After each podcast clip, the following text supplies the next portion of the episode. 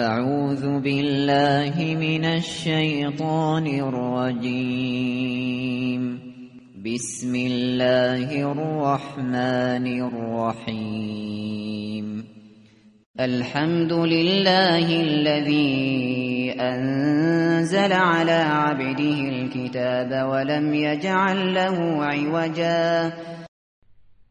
به نام خداوند بخشنده بخشایشگر حمد مخصوص خدایی است که این کتاب آسمانی را بر بنده برگزیده اش نازل کرد و هیچ گونه کجی در آن قرار نداد. قیما لینذر بأسا شدیدا من لدنه ویبشر المؤمنین ويبشر المؤمنين الذين يعملون الصالحات أن لهم أجرا حسنا. در حالی که ثابت و مستقیم و نگاهبان کتابهای آسمانی دیگر است تا بدکاران را از عذاب شدید او بترساند و مؤمنانی را که کارهای شایسته انجام می‌دهند بشارت دهد که پاداش نیکویی برای آنهاست. ماکثین فیه ابدا. همان بهشت برین که جاودانه در آن خواهند باند. و ینذر الذین قالوا اتخذ الله ولدا. و نیز آنها را که گفتند خداوند فرزندی برای خود انتخاب کرده است انذار کند. ما لهم به من علم ولا لآبائهم. كبرت كلمة تخرج من أفواههم. إن يقولون إلا كذبا. نه آنها هرگز به این سخن یقین دارند و نه پدرانشان. سخن بزرگی از دهانشان خارج می شود آنها فقط دروغ می گویند فلعلك باخع نفسك على آثارهم إن لم يؤمنوا بهذا الحديث أسفا گویی می‌خواهی به خاطر اعمال آنان خود را از غم و اندوه هلاک کنی اگر به این گفتار ایمان نیاورند. إنا جعلنا ما على الأرض زینة لها لنبلوهم أيهم أحسن عملا ما آنچه را روی زمین است زینت آن قرار دادیم تا آنها را بیازماییم که کدامینشان بهتر عمل می کنند و اینا لجاعلون ما علیها صعیدا جرزا. ولی این زرق و برقها پایدار نیست و ما سرانجام قشر روی زمین را خاک بیگیاهی قرار می دهیم ام حسبت ان اصحاب الكهف والرقيم كانوا كانوا من آیاتنا عجبا. آیا گمان کردی اصحاب کهف و رقیم از آیات عجیب ما بودند؟ اذ اول الفتیه الى الكهف فقالوا ربنا فقالوا ربنا آتنا من لدنك رحمة وهيئ لنا وهيئ لنا من امرنا رشدا. زمانی را به خاطر بیاور که آن جوانان به قار پناه بردند و گفتند پروردگارا ما را از سوی خودت رحمتی عطا کن و راه نجاتی برای ما فراهم ساز. فضربنا على آذانهم في الكهف سنين عددا. ما پرده خواب را در قار بر گوششان زدیم و سالها در خواب فرو رفتند. ثم بعثناهم لنعلم أي الحزبين احصى لما لبثوا امدا سپس آنان را برانگیختیم تا بدانیم و این امر آشکار گردد که کدام یک از آن دو گروه مدت خواب خود را بهتر حساب کرده اند نحن نقص عليك نبأهم بالحق. إنهم فتية آمنوا بربهم وزدناهم هدى. ما داستان آنان را به حق برای تو بازگو می کنیم آنها جوانانی بودند که به پروردگارشان ایمان آوردند و ما بر هدایتشان افزودیم. وربطنا على قلوبهم إذ قاموا فقالوا ربنا رب السماوات والأرض لن ندعو من دونه إلها لقد قلنا إذا شططا و دلهایشان را محکم ساختیم در آن موقع که قیام کردند و گفتند پروردگار ما پروردگار آسمان ها و زمین است. هرگز غیر او معبودی را نمی‌خوانیم که اگر چنین کنیم سخنی به گذاف گفته ایم. هؤلاء قوم اتخذوا من دونه آلهة لولا يأتون عليهم بسلطان بين فمن اظلم ممن افترى على الله كذبا. این قوم ما هستند که معبودهایی جز خدا انتخاب کرده اند چرا دلیل آشکاری بر این کار نمی آورند و چه کسی ظالم تر است از آن کس که بر خدا دروغ ببندد؟ وَإِذِ اعْتَزَلْتُمُوهُمْ وَمَا يَعْبُدُونَ إِلَّا اللَّهَ فَأْوُوا إِلَى الْكَهْفِ يَنشُرْ لَكُمْ رَبُّكُم مِّن رَّحْمَتِهِ وَيُهَيِّئْ وَيُهَيِّئْ لَكُم مِّنْ أَمْرِكُم مِّرْفَقًا و به آنها گفتیم هنگامی که از آنان و آنچه جز خدا میپرستند کنارگیری کردید به قار پناه برید که پروردگارتان سایه رحمتش را بر شما میگستراند و در این امر آرامشی برای شما فراهم می‌سازد. وترى الشمس إذا طلعت تزاور عن كهفهم ذات اليمين وإذا غربت تقرضهم وإذا غربت تقرضهم ذات الشمال وهم في فجوة منه ذلك من آيات الله من يهد الله فهو المهتد ومن يضلل فلن تجد له وليا مرشدا و اگر در آنجا بودی خورشید را می‌دیدی که به هنگام طلوع به سمت راست قارشان متمایل میگردد و به هنگام غروب به سمت چپ و آنها در محل وسیعی از آن قار قرار داشتند. این از آیات خداست. هر کس را خدا هدایت کند هدایت یافته واقعی اوست و هر کس را گمراه نماید هرگز ولی و راهنمایی برای او نخواهی یافت. و تحسبهم ایقاظا وهم رقود ونقلبهم ذات اليمين وذات الشمال وكلبهم باسط ذراعيه بالوصيد لو اطلعت عليهم لوليت منهم فرارا ولملئت منهم رعبا.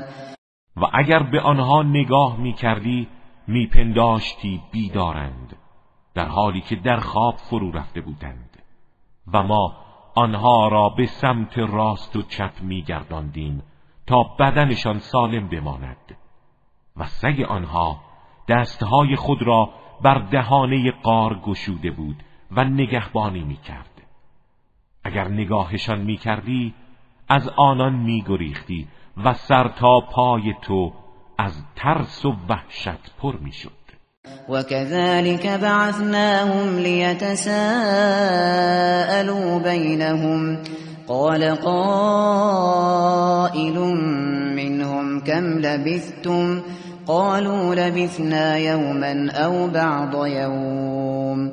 قالوا ربكم أعلم بما لبثتم فابعثوا فبعثوا أحدكم بورقكم هذه إلى المدينة فلينظر فلينظر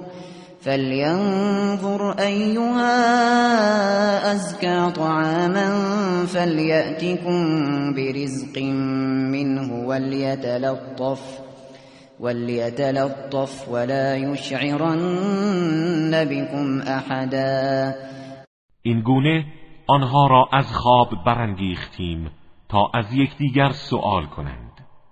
یکی از آنها گفت چه مدت خوابیدید؟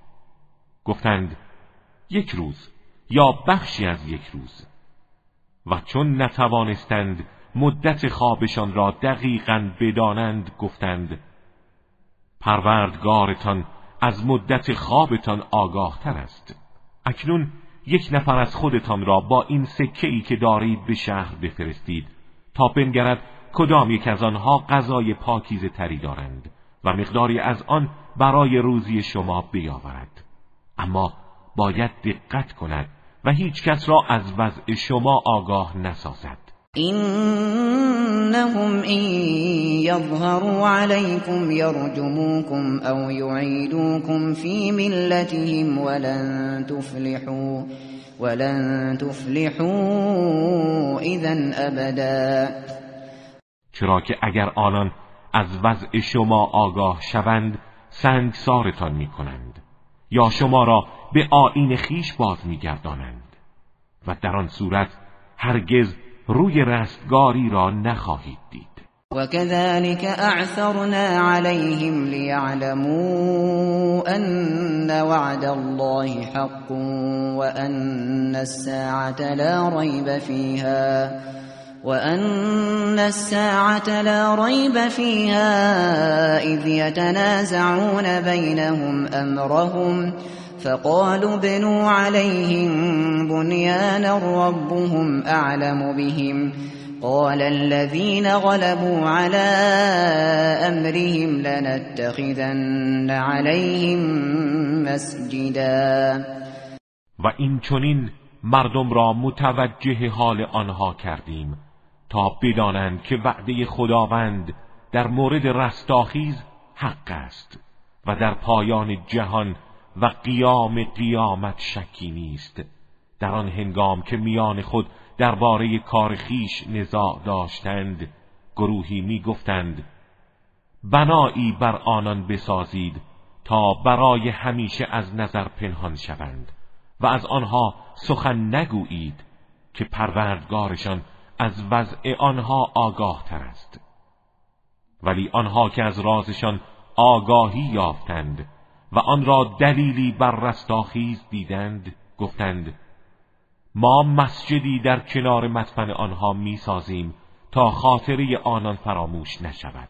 سيقولون ثلاثة رابعهم كلبهم ويقولون ويقولون خمسة سادسهم كلبهم رجما بالغيب ويقولون سبعة وثامنهم كلبهم قل ربي أعلم بعدتهم ما يعلمهم إلا قليل فلا تمار فيهم إلا مراء ظاهرا ولا تستفت فيهم ولا تستفت فيهم منهم احدا گروهی خواهند گفت آنها سه نفر بودند که چهارمین آنها سگشان بود. و گروهی می‌گویند پنج نفر بودند که ششمین آنها سگشان بود.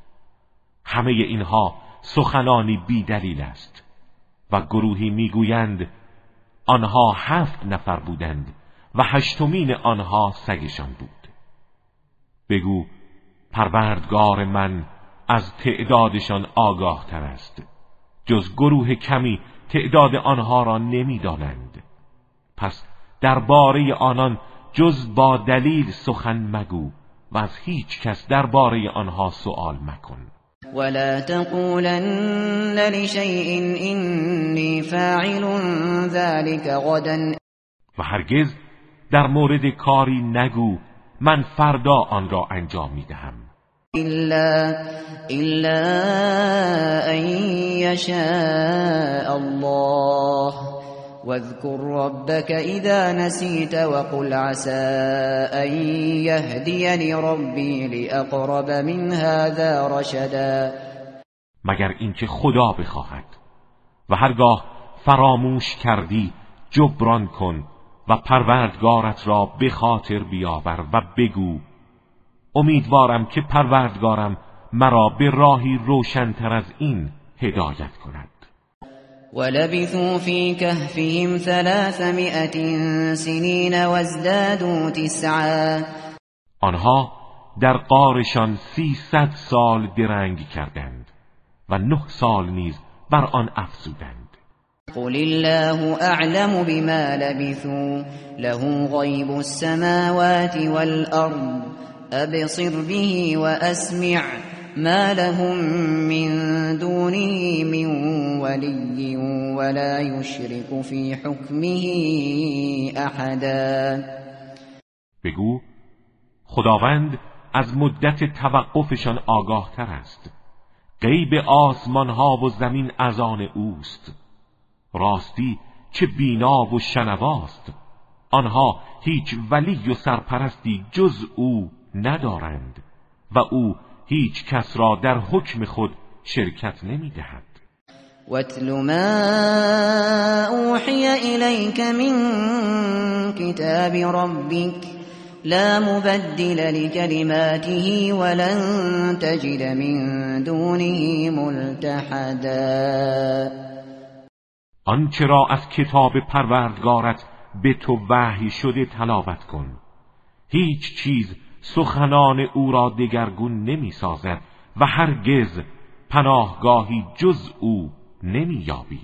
واصبر نفسك مع الذين يدعون ربهم بالغداة والعشي يريدون وجهه ولا تعد عيناك عنهم تريد زينة الحياة الدنيا ولا تطع من أغفلنا قلبه عن ذكرنا واتبع هواه واتبع هواه وكان أمره فرطا.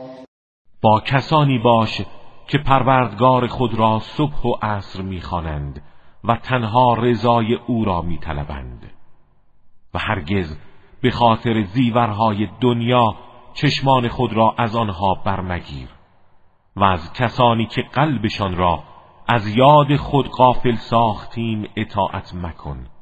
همانها که از هوای نفس پیروی کردند و کارهایشان افراطی است.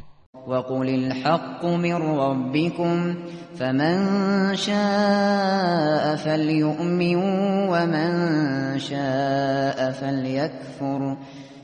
إنا اعتدنا للظالمين نارا احاط بهم سرادقها وإن يستغيثوا يغاثوا بماء كالمهل يشوي الوجوه بئس الشراب وساءت مرتفقا بگو این حق است از سوی پروردگارتان.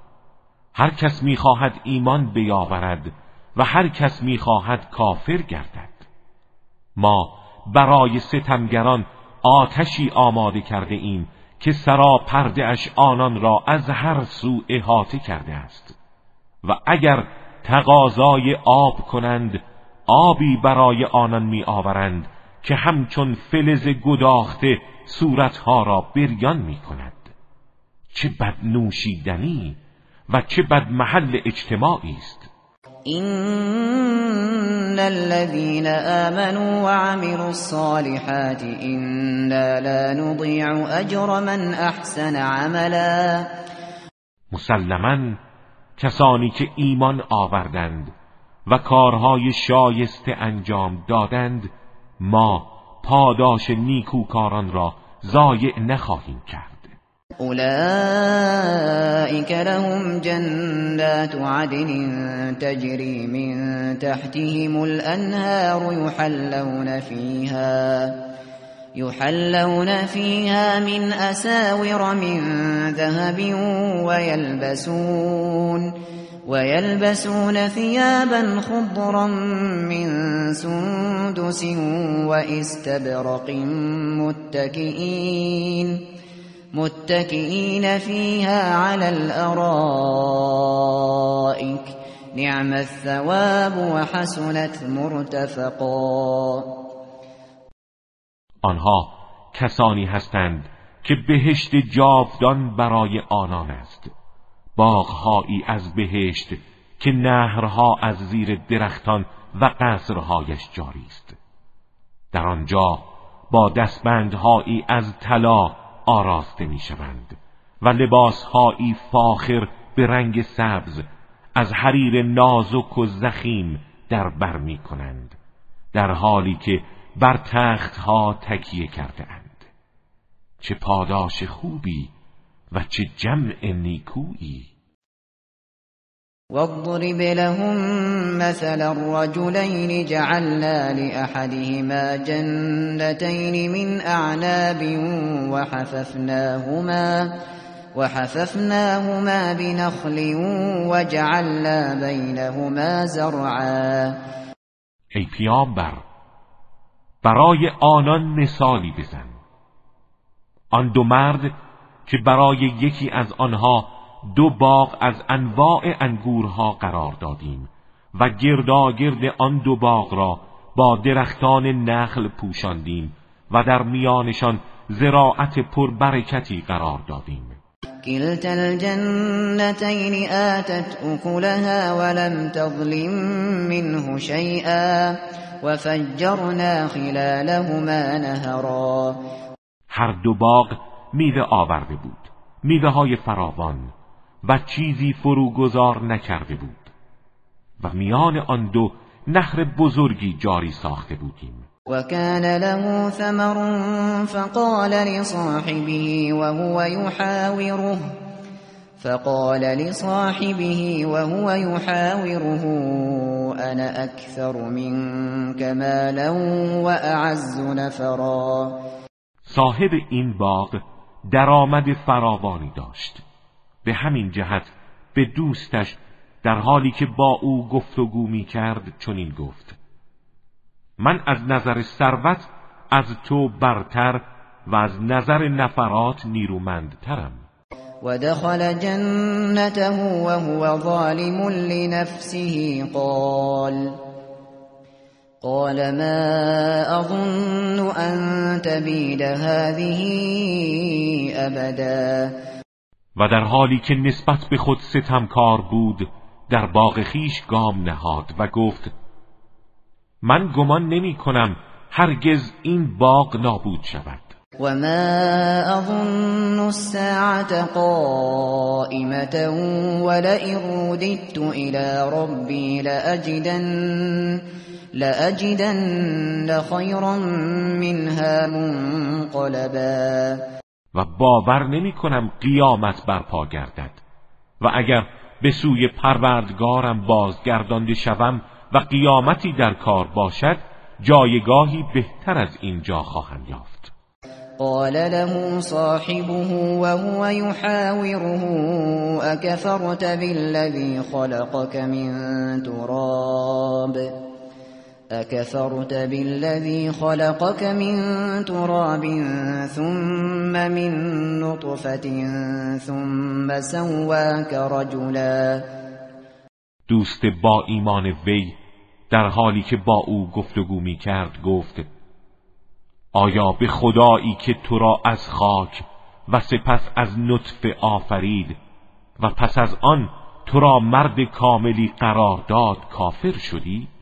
لكن هو الله ربي ولا اشرك بربي احدا ولی من کسی هستم که الله پروردگار من است و هیچ کس را شریک پروردگارم قرار نمی‌دهم.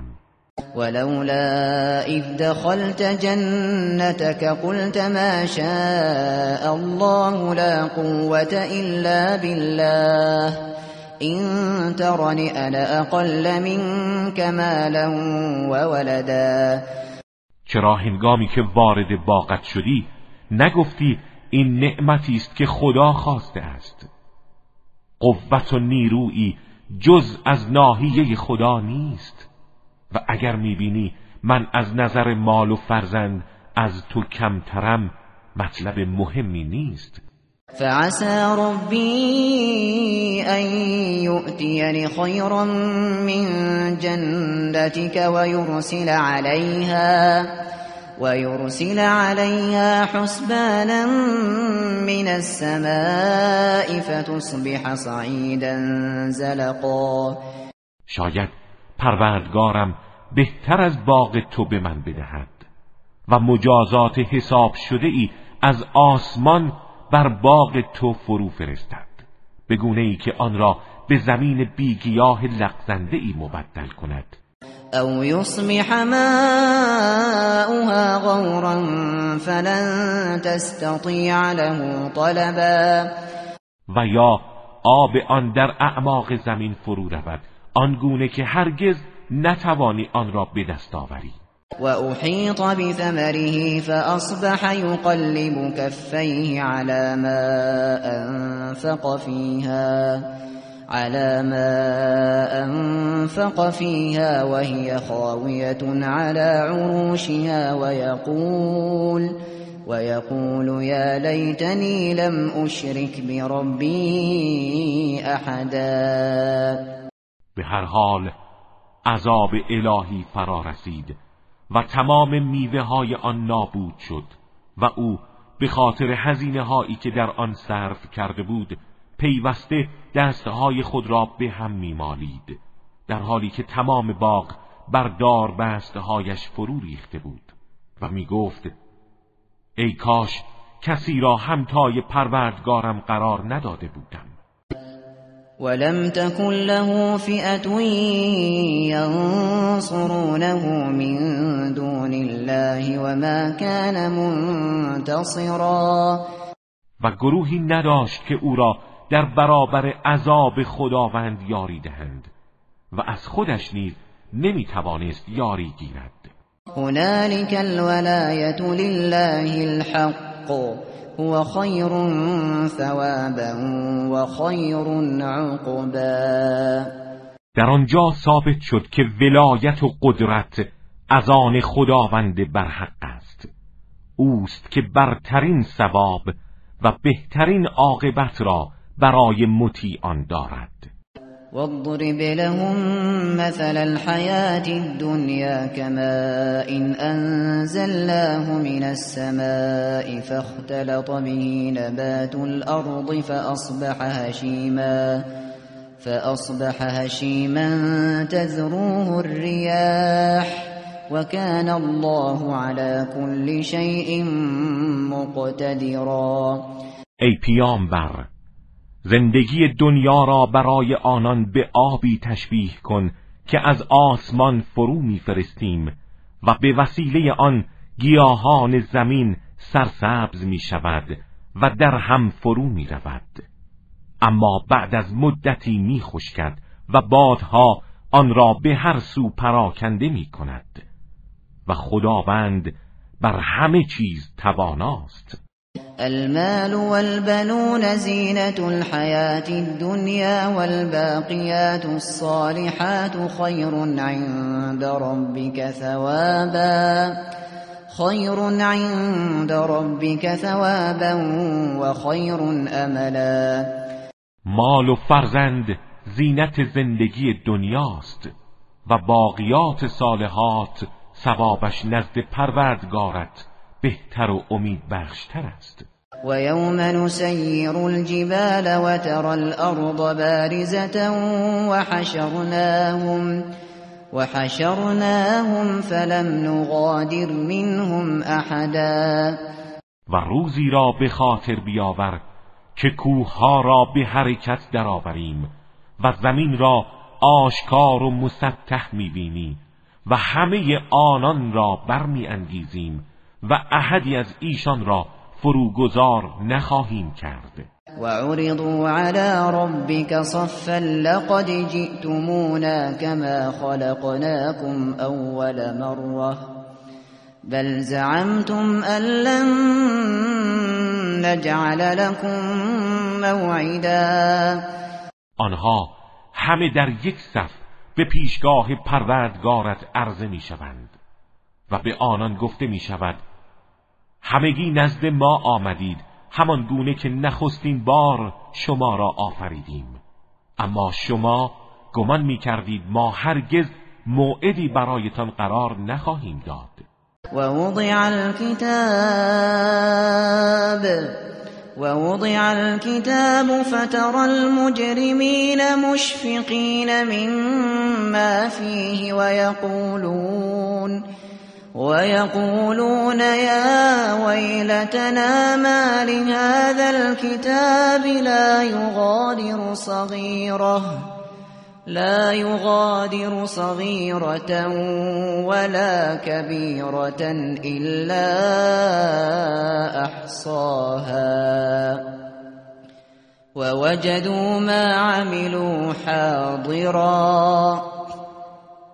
ولا يظلم ربك احدا و کتاب کتابی که نامه اعمال همه انسان هاست در آنجا گذارده می شود پس گنهکاران را می بینی که از آنچه در آن است ترسان و حراسانند و می‌گویند ای وای بر ما این چه کتابی است که هیچ عمل کوچک و بزرگی را فرو نگذاشته مگر اینکه آن را به شما آورده است؟ و این در حالی است که همه اعمال خود را حاضر می‌بینند و پروردگارت به هیچ کس ستم نمی کند. اذ قلنا للملائكة اسجدوا لآدم فسجدوا إلا إبليس إلا إبليس كان من الجن ففسق عن أمر ربه.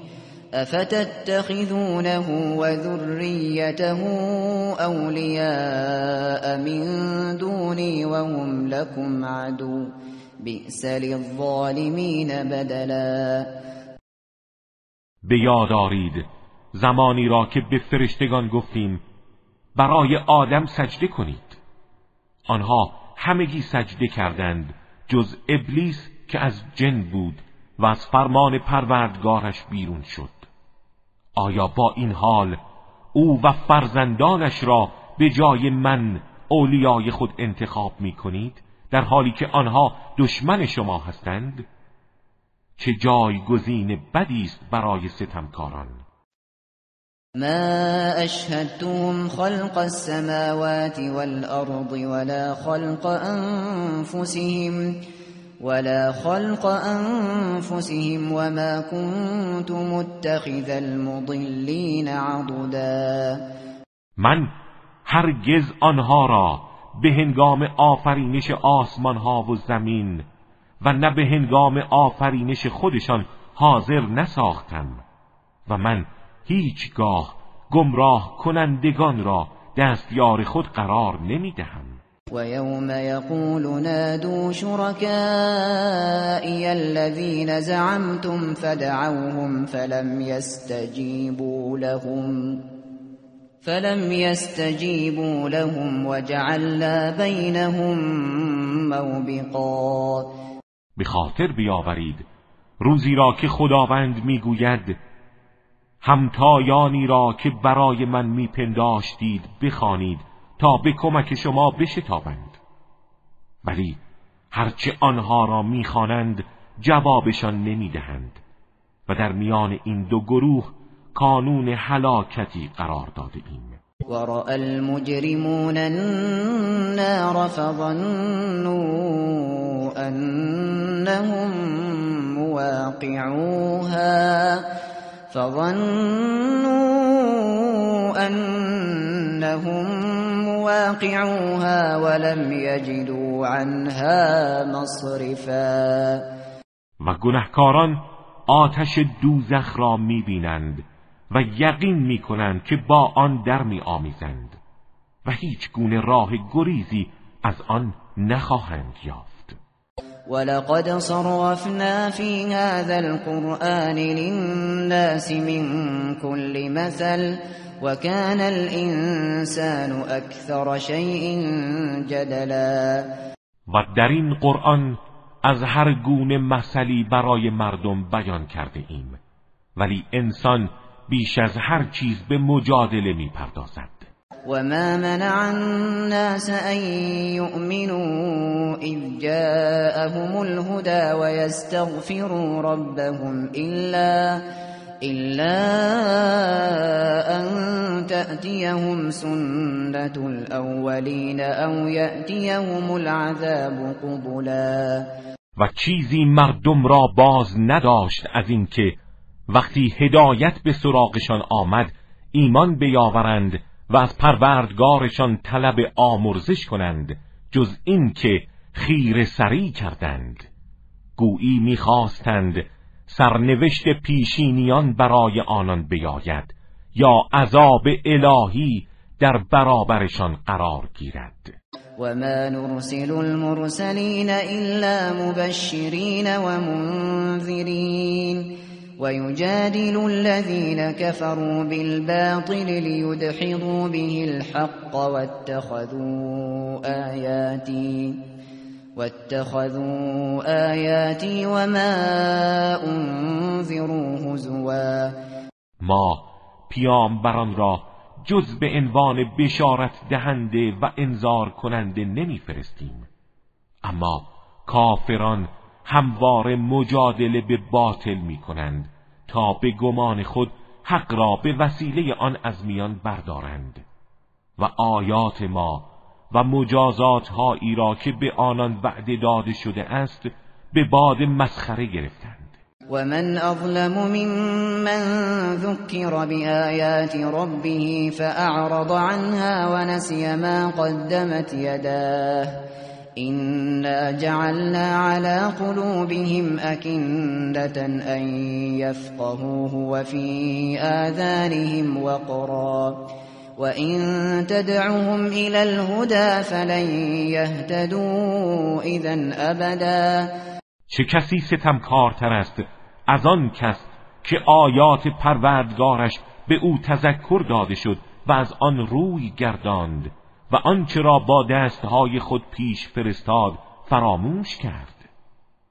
ما بر دلهای اینها پردههایی افکنده ایم تا نفهمند و در گوشهایشان سنگینی قرار داده ایم تا صدای حق را نشنوند و از این رو اگر آنها را به سوی هدایت بخوانی هرگز هدایت نمی‌شوند. ربک الغفور ذو الرحمه لو يؤاخذهم بما كسبوا لعجل لهم العذاب. بل لهم موعد لن يجدوا من دونه موئلا. و پروردگارت آمرزنده و صاحب رحمت است. اگر می‌خواست آنان را به خاطر اعمالشان مجازات کند عذاب را هرچه زودتر برای آنها میفرستاد. ولی برای آنان موعدی است که هرگز از آن راه فراری نخواهند داشت. وتلك القرى أهلكناهم لما ظلموا وجعلنا وجعلنا لمهلكهم موعدا. این شهرها و آبادیهایی است که ما آنها را هنگامی که ستم کردند هلاک نمودیم و برای هلاکتشان موعدی قرار دادیم. وَإِذْ قَالَ مُوسَى لِفَتَاهُ لَا أَبْرَحُ حَتَّى أَبْلُغَ مَجْمَعَ الْبَحْرَيْنِ أَوْ أَمْضِيَ حُقُبًا. به خاطر بیاور هنگامی را که موسی به دوست خود گفت دست از جستجو بر نمیدارم تا به محل تلاقی دو دریا برسم. هرچند مدت طولانی به راه خود ادامه دهم.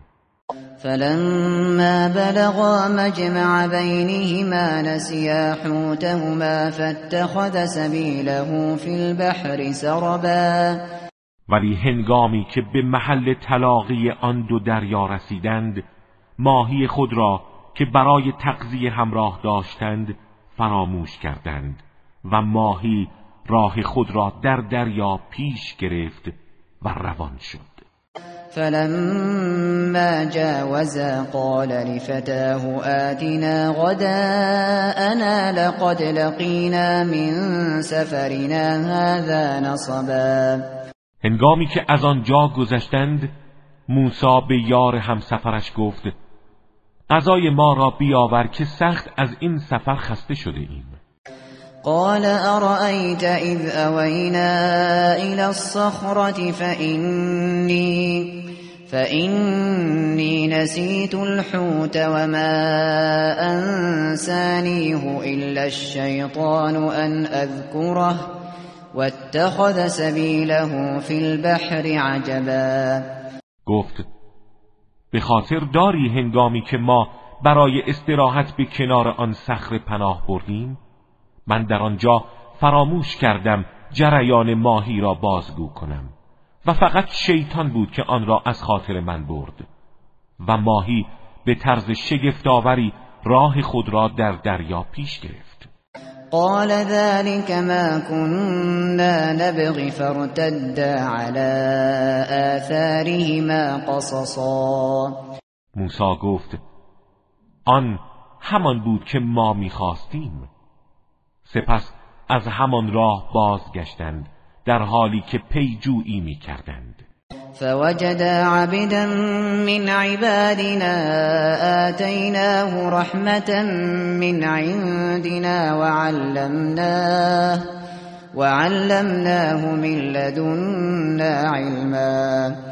در آنجا بنده ای از بندگان ما را یافتند که رحمت و موهبت عظیمی از سوی خود به او داده و علم فراوانی از نزد خود به او آموخته بودیم.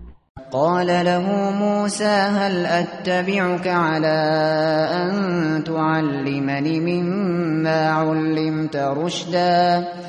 موسی به او گفت آیا از تو پیروی کنم تا از آنچه به تو تعلیم داده شده و مایه رشد و صلاح است به من بیاموزی؟ قال انك لن تستطيع معي صبرا. گفت تو هرگز نمی‌توانی با من شکیبایی کنی. و کیف تصبر على ما لم تحط به خبرا؟ و چگونه می‌توانی در برابر چیزی که از رموزش آگاه نیستی شکیبا باشی؟ قال ستجدني إن شاء الله صابرا ولا اعصي لك امرا موسی گفت به خواست خدا مرا شکیبا خواهی یافت و در هیچ کاری مخالفت فرمان تو نخواهم کرد. قال فإن اتبعتني فلا تسألني عن شيء حتى حتى احدث لك منه ذکرا. خیزر گفت پس اگر می‌خواهی به دنبال من بیایی از هیچ چیز مپرس تا خودم به موقع آن را برای تو بازگو کنم. فانطلقا حتى اذا ركبا في السفينة خرقها قال اخرقتها لتغرق اهلها لقد جئت شيئا امرا. آن دو به راه افتادند. تا آنکه سوار کشتی شدند. خزر کشتی را سوراخ کرد. موسی گفت آیا آن را سوراخ کردی که اهلش را غرق کنی؟ راستی چه کار بدی انجام دادی؟ قال الم اقل انك لن تستطيع معي صبرا؟ گفت آیا نگفتم تو هرگز نمی‌توانی با من شکیبایی کنی؟ قال لا تؤاخذني بما نسيت ولا ترهقني من امری عسرا. موسی گفت مرا به خاطر این فراموش کاریم مؤاخذه مکن و از این کارم بر من سخت مگیر. فانطلقا حتى اذا لقيا غلاما فقتله. قال اقتلت نفسا زكية بغير نفس لقد جئت شيئا نكرا. باز به راه خود ادامه دادند تا اینکه نوجوانی را دیدند و او آن نوجوان را کشت. موسی گفت آیا انسان پاکی را بی آنکه قتلی کرده باشد کشتی؟ به راستی کار زشتی انجام دادی. قال الم اقل لك انك لن تستطيع معي صبرا. باز آن مرد عالم گفت آیا به تو نگفتم که تو هرگز نمی‌توانی با من صبر کنی؟ قال إن سألتك عن شيء بعدها فلا تصاحبني. قد بلغت من لدنی عذرا. موسی گفت بعد از این اگر درباره چیزی از تو سوال کردم دیگر با من همراهی نکن زیرا از سوی من معذور خواهی بود. فانطلقا حتى إذا أتيا أهل قرية استطعما أهلها فأبوا فأبوا أن يضيفوهما فوجدا فيها جدارا يريد. فوجدا فيها جدارا يريد أن ينقض فأقامه. قال لو شئت لاتخذت عليه اجرا باز به راه خود ادامه دادند تا به مردم قریه ای رسیدند. از آنان خواستند که به ایشان قضا دهند ولی آنان از مهمان کردنشان خودداری نمودند. با این حال در آنجا دیواری یافتند که می‌خواست فرو ریزد و آن مرد عالم آن را برپا داشت. موسی گفت لااقل می‌خواستی در مقابل این کار مزدی بگیری. قال هذا فراق بيني وبينك سأنبئك بتأويل ما لم تستطع عليه صبرا. او گفت اینک زمان جدایی من و تو فرا رسیده. اما به زودی راز آنچه را که نتوانستی در برابر آن صبر کنی به تو خبر می‌دهم. أما السفينة فكانت لمساكين يعملون في البحر فأردت أن أعيبها فأردت أن أعيبها وكان وراءهم ملك يأخذ كل سفينة غصبا. اما آن کشتی مال گروهی از مستمندان بود که با آن در دریا کار می‌کردند. و من خواستم آن را معیوب کنم چرا که پشت سرشان پادشاهی ستمگر بود که هر کشتی سالمی را به زور می گرفت و اما الغلام فكان ابواه مؤمنین فخشینا فخشینا ان یرهقهما طغیانا و کفرا و اما آن نوجوان پدر و مادرش با ایمان بودند و بیم داشتیم که آنان را به تقیان و کفر وادارد.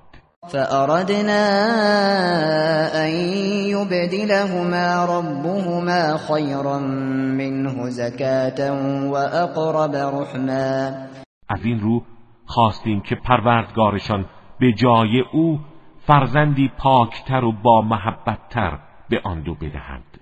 وأما الجدار فكان لغلامين يتيمين في المدينة وكان تحته كنز لهما وكان أبوهما صالحا فأراد ربك أن يبلغا أشدهما ويستخرجا كنزهما ويستخرجا كنزهما رحمة من ربك وما فعلته عن أمري ذلك تأویل ما لم تستطع عليه صبرا. و اما آن دیوار از آن دو نوجوان یتیم در آن شهر بود و زیر آن گنجی متعلق به آن دو وجود داشت و پدرشان مرد صالحی بود و پروردگار تو می‌خواست آنها به حد بلوغ برسند و گنجشان را استخراج کنند. این رحمتی از پروردگارت بود. و من آن کارها را خودسرانه انجام ندادم. این بود راز کارهایی که نتوانستی در برابر آنها شکیبایی به خرج دهی. و یسألونك عن ذی القرنین قل سأتلو علیکم منه ذکرا و از تو درباره ذوالقرنین می‌پرسند. بگو به زودی بخشی از سرگذشت او را برای شما بازگو خواهم کرد. إنا مكنا له في الأرض وآتيناه من كل شيء سببا. ما به او در روی زمین قدرت و حکومت دادیم و اسباب هر چیز را در اختیارش گذاشتیم. فأتبع سببا. او از این اسباب پیروی و استفاده کرد. حتى إذا بلغ مغرب الشمس وجدها تغرب في عين حمئة ووجد عندها قوما. قلنا يا ذا القرنين إما أن تعذب وإما وإما أن تتخذ فيهم حسنا. تا به غروبگاه آفتاب رسید. در آنجا احساس کرد و در نظرش مجسم شد که خورشید در چشمه تیره و گلالودی فرو می رود و در آنجا قومی را یافت. گفتیم ای ذوالقرنین یا آنان را مجازات می کنی و یا روش نیکویی در مورد آنها انتخاب می نمایی قال اما من ظلم فسوف نعذبه ثم يرد الى ربه فيعذبه عذابا نكرا. گفت اما کسی را که ستم کرده است مجازات خواهیم کرد. سپس به سوی پروردگارش باز میگردد و خدا او را مجازات شدیدی خواهد کرد. وأما من آمن وعمل صالحا فله جزاء الحسنى وسنقول له من امرنا يسرا و اما کسی که ایمان آورد و عمل صالح انجام دهد پاداشی نیکوتر خواهد داشت و ما دستور آسانی به او خواهیم داد. ثم اتبع سببا سپس بار دیگر از اسبابی که در اختیار داشت بهره گرفت.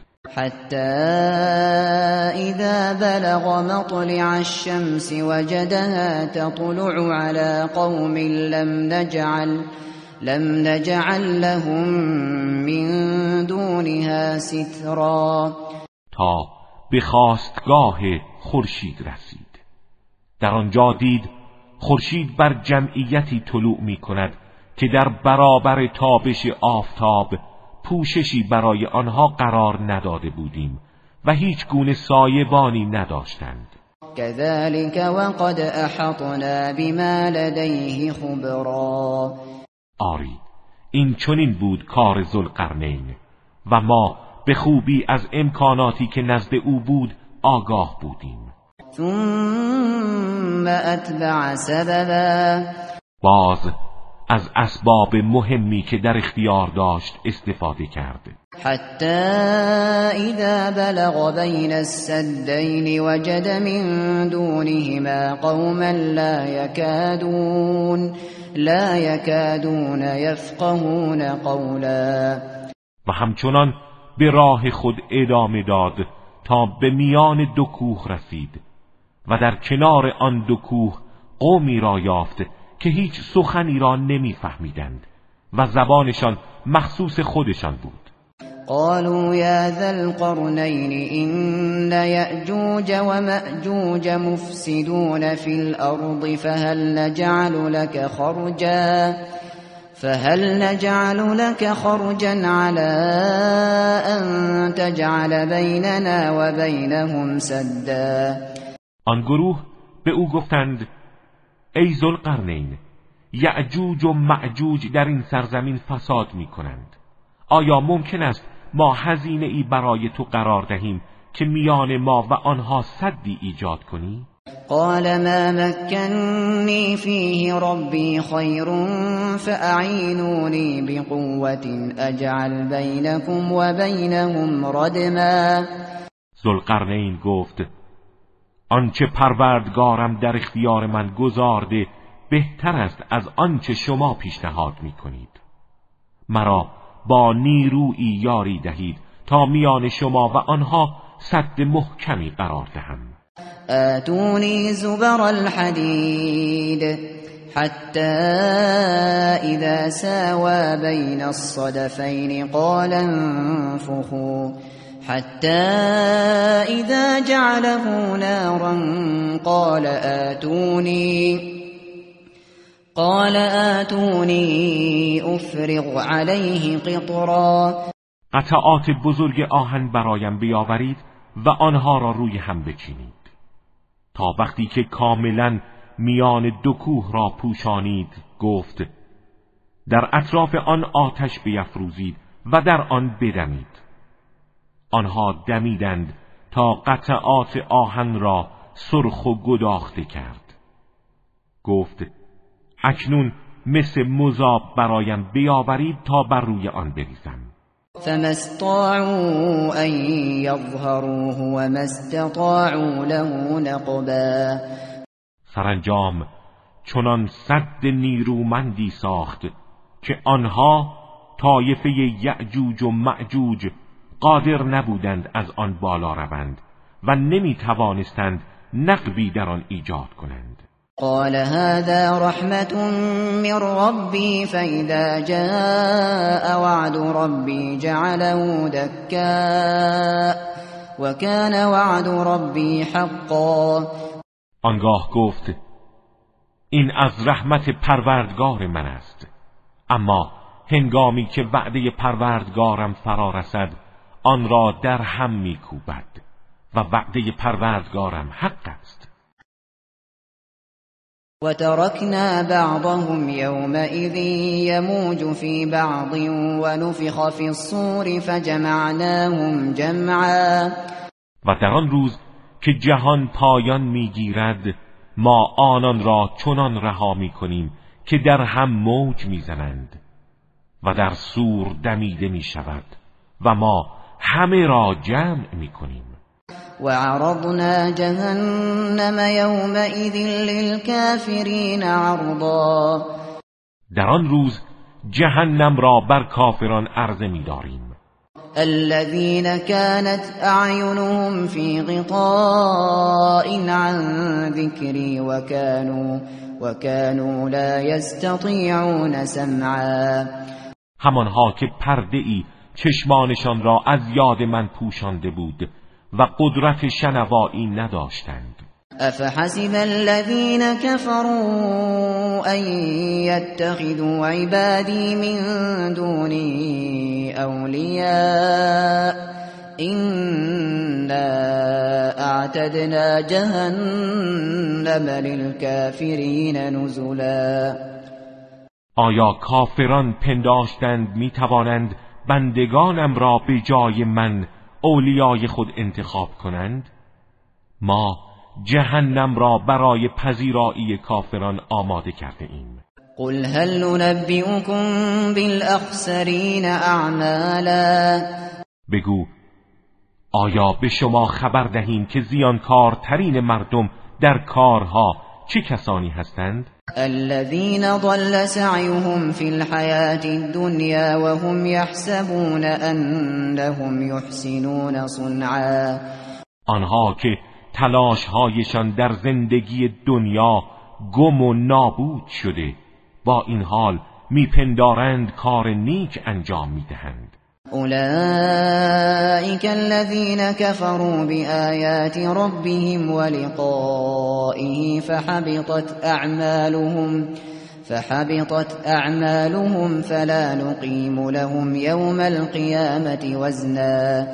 آنها کسانی هستند که به آیات پروردگارشان و لقای او کافر شدند. به همین جهت اعمالشان حبت و نابود شد. از این رو روز قیامت میزانی برای آنها برپا نخواهیم کرد. ذلك جزاؤهم جهنم بما كفروا واتخذوا واتخذوا آیاتی و رسلی هزوا. آری این گونه است کیفرشان دوزخ است به خاطر آنکه کافر شدند و آیات من و پیامبرانم را به سخریه گرفتند. این الذين آمنوا وعملوا الصالحات كانت لهم جنات الفردوس نزلا. اما کسانی که ایمان آوردند و کارهای شایسته انجام دادند باغهای بهشت برین محل پذیرایی آنان خواهد بود. خالدین فیها لا یبغون عنها حولا.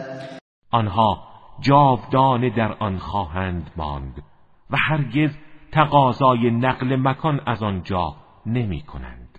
قل لو كان البحر مدادا لكلمات ربي لنفد البحر قبل أن تنفد. قبل أن تنفد كلمات ربي ولو جئنا بمثله مددا. بگو اگر دریاها برای نوشتن کلمات پروردگارم مرکب شود دریاها پایان می‌گیرد پیش از آن که کلمات پروردگارم پایان یابد. هرچند همانند آن دریاها را کمک آن قرار دهیم.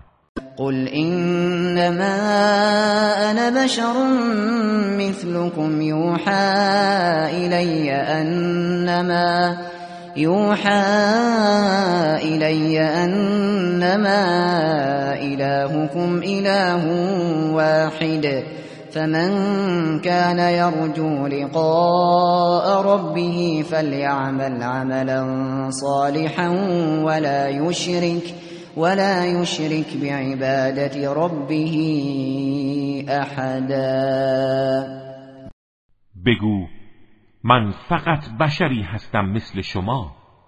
امتیازم این است که به من وحی می شود که تنها معبودتان معبود یگانه است. پس هر که به لقای پروردگارش امید دارد باید کاری شایسته انجام دهد. و هیچ کس را در عبادت پروردگارش شریک نکند.